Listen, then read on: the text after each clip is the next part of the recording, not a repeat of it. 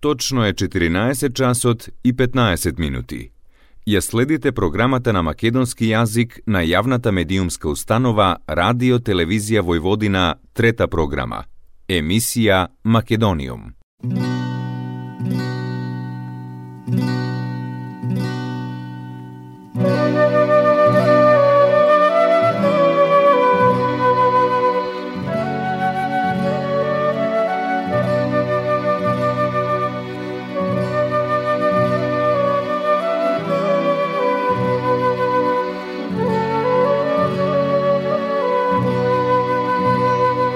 Добар ден и добре дојдовте во најновото издание на емисијата Македониум. Почитувани слушатели, со вас е вашиот уредник и водител Јулијана Милутиновиќ, секоја среда со почеток во 14 часот и 15 минути.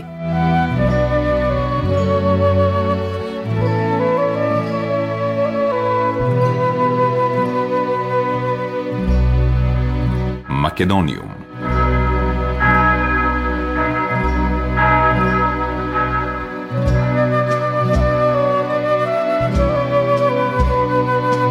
Новино комбинирани мерки ќе се воведат од 1 мај на целата територија на Република Северна Македонија, а во врска со одбраната од COVID-19. Тоа подразбира дека ќе се зголеми времето за движење на граѓаните и ќе се зголеми личната заштита. Причина за предлагање на комбинирани мерки се статистиките и негативниот ефект врз психосоцијалната состојба на граѓаните. Имајќи ги предвид статистичките податоци кои се однесуваат на лицата кај кои е утврдено присуство на коронавирусот, кои имаат надолна тенденција и фактот дека задна се ограничување на движење кое траеше цели 85 часа и кое покрај превентивната здравствена улога имаше негативно влијание на психосоцијалната состојба кај граѓаните, ја информирам јавноста дека утрово на седницата на кризниот штаб во рамките на владата предложив итно и неодложно намалување на време трењето на ограничувањето на движењето на граѓаните. Ставот на министерот Чулев. Мерките ќе бидат во сила додека властите не се сигурни дека ситуацијата е под контрола и дека поминал пикот на COVID-19. Пикот се очекува да се случи кон крајот на април и почетокот на мај. Сепак отворањето на кафетериите и рестораните нема да значи дека граѓаните ќе може да го живеат животот исто како и пред коронавирус кризата, барем во следните месеци. Кафетериите и рестораните доколку ситуацијата продолжи да се стабилизира, веќе од почетокот на мај би работеле само на отворено, што е погодно со оглед на тоа дека доаѓаат топли денови во земјата, а граѓаните кои би користеле услуги во маркети, продавници, банки со оглед на тоа дека влегуваат во затворени простории, ќе мора да носат маски. Примената на маски, шал или некаква заштитна марама би важила и за отворени места каде ќе биде невозможно да се држи растојание од 2 метри. Со закон ќе биде казниво групирањето на повеќе од 5 лица, но и носењето на маска, марама или шал согласно препораките. Сепак ова се само идеи кои се разгледуваат за намалување на рестрикциите врз граѓаните и враќањето кон нормалниот живот. Вакви одлуки за задолжително носење на маска веќе се активни во Тетово, Прилеп и Куманово. Владата веќе денеска ќе донесе одлука за намалување на полицискиот час, при што тој би започнувал во 19 часот и би завршувал во 5 наутро, додека во викенд истиот би започнувал во сабота во 13 и би траел за време на цел ден недела, па се до 5 часот во понеделник.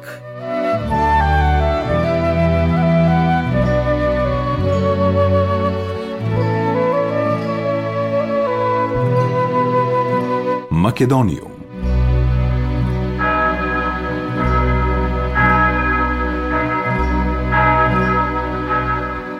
Македонска IT компанија и изработи платформа Македонија помага, која треба да представува мост помеѓу оние на кои најмногу им е потребна помош во сегашните отежнати услови на живење поради пандемијата предизвикана од коронавирусот, од една и оние кои можат и сакаат да и помогнат на друга страна.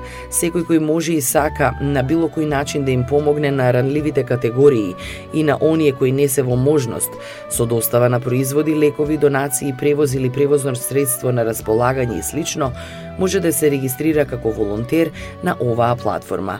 Од друга страна, сите оние на кои им е потребна било каква помош, истата може да ја побараат преку платформата и ќе имаат преглед на сите регистрирани волонтери, нивната локација и се она што може да им го понудат, велат креаторите на платформата. Тие потенцираат дека се добредојдени компании кои на било каков начин може да дадат придонес за населението, медицинскиот или бизнис секторот да се пријават како волонтери. Целта додаваат е обезбедување на one-stop платформа за помош на оние кои имаат недостаток од ресурси, човечки или материјални, за да се справат со ситуацијата и да ги извршуваат своите дневни обврски, како и искористување на потенцијалот на оние кои се во можност да помогнат со нивно правилно дисперзирање благодарение на софтверот.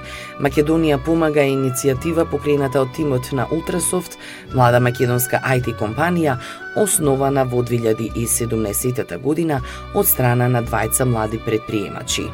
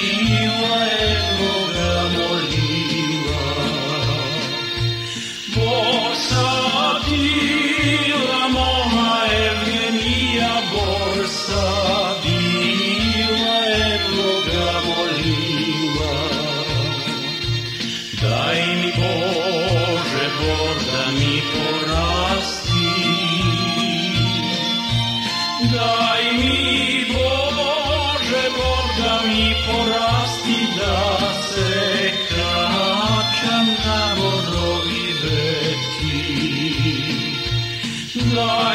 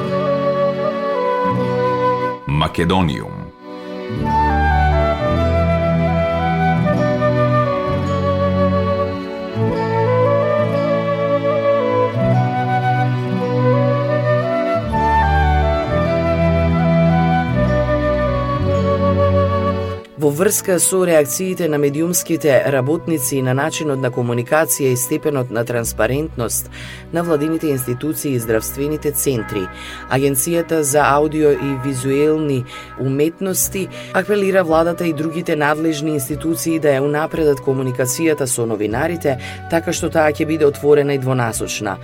Во вонредна состојба исклучително е важно да им биде овозможено на новинарите професионално да ја извршуваат својата работа и да им биде даден простор за подпрашање на добиените одговори.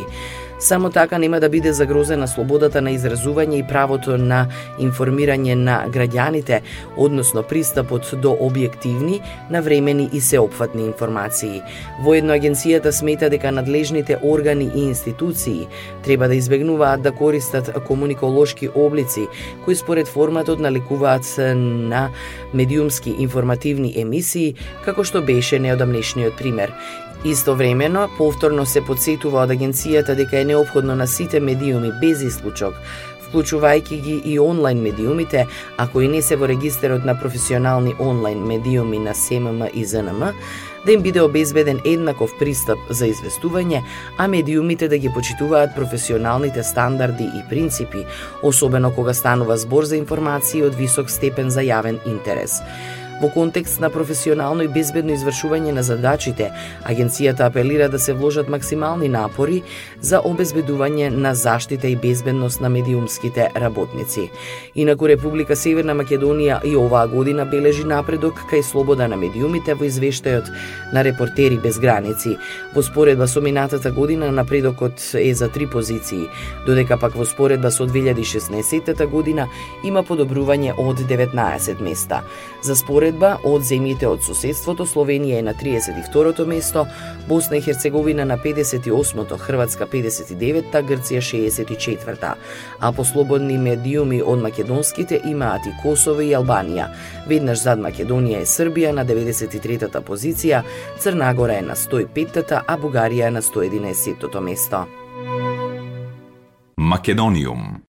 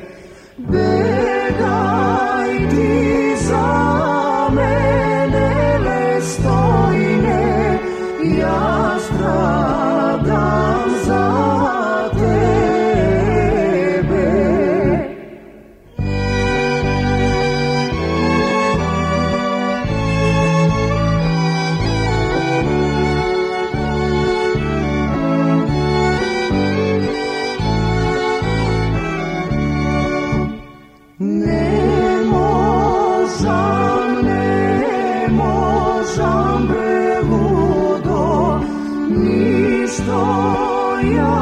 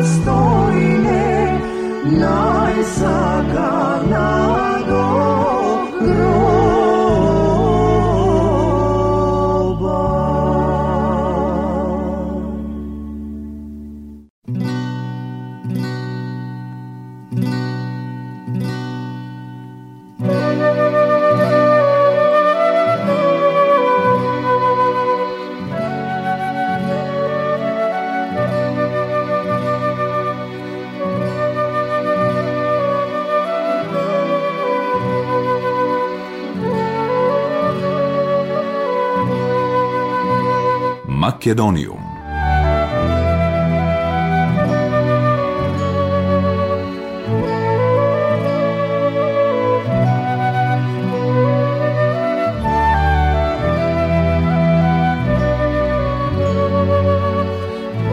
Сдруженијето за одржлив развој и заштита на животната средина Go Green започна петиција со која бараат институциите да посветат повеќе внимание и ресурси на зајакнување на енергетската ефикасност на училиштата, користење сончева енергија за загревање и струја и поголема застапеност на образованието за климатски промени во образовната програма. Бараме училиштата да ја зголемат класата на енергетска ефикасност, изолација покрив прозорци и да користат сончева енергија за грејење и струја солар термал. Со овие интервенции ќе придонесат за намалено загадување на воздухот и намалување на придонесот кон климатските промени, а истовремено ќе развијат и еколошката свест кај учениците и училишната администрација, се вели во оваа петиција. Тие ги повикуваат Министерството за економија, Министерството за животна средина, општините и ЗЕЛС да направат план за енергетска ефикасност за училиштата и зголемување на сончевата енергија за струја и грејење. Освен ова, од Сдруженијето сметаат дека е необходна поголема застапеност на содржини на тема одржлив развој, со посебен акцент на климатските промени во сите наставни програми или изготвување наставни програми за меѓупредметни теми од областа на одржлив развој, заедно со сите незини подтеми и мерки за адаптација и ублажување на климатските промени.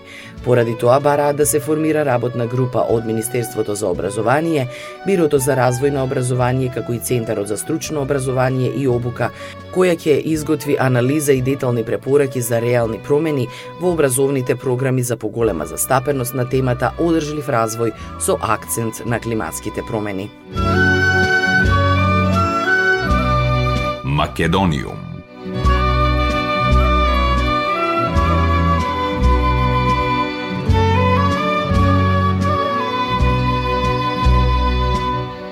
Хрватски форум и Македонското хрватско друштво Тетово го поздравија новиот бран на проширување на програмската понуда на јавниот радиодифузен сервис Македонската радиотелевизија, кој што вклучи отворање на нов канал МРТ4 посветен на етничките заедници и документарна програма. Со ваквата структурна промена до сегашниот канал наменет за заедниците МРТ2 ќе емитува целосна програма на албански јазик, новиот канал МРТ4 кој е наменет за останатите јазици, а имајќи ги предвид обврските од меѓународните договори и домашното законодавство, оставе сериозен простор за исполнување на должностите на јавниот сервис спрема останатите етнички заедници. Со ваквата промена во насока на развивање и планирање на програмска шема во интерес од целокупната јавност, При тоа се води сметка за специфичните обштествени групи и искрено се верува дека новиот канал ќе овозможи и програма и на сите јазици на малцинствата кои што живеат во Република Северна Македонија.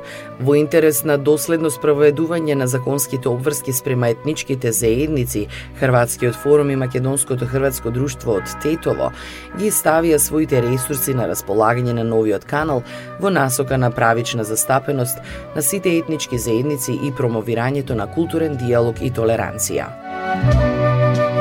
Македониум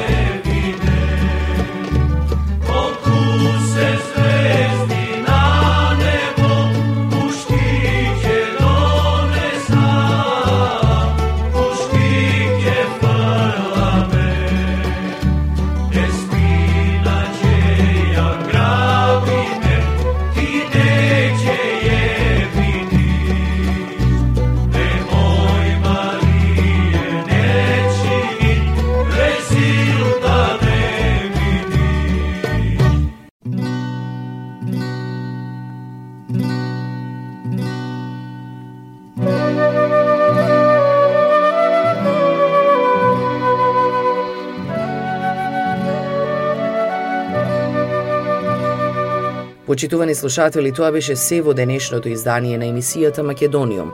До следната среда во исто време, срдечен и голем поздрав од вашиот уредник и водител Јулијана Милутиновиќ.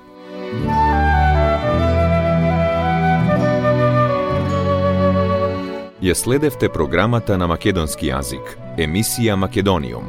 Главен и одговорен уредник Воин Поповиќ.